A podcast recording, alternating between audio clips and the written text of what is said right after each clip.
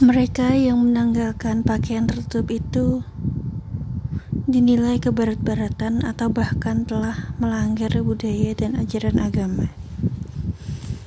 Ajakan sistematis dan terang-terangan baru dimulai sekembalinya banyak cendekiawan Mesir dari studi mereka di Perancis.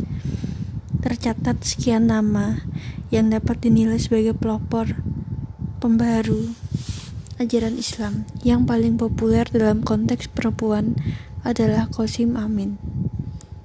Sehingga ia dijuluki Muharir al-Marah al-Mar'ah atau pembebas perempuan.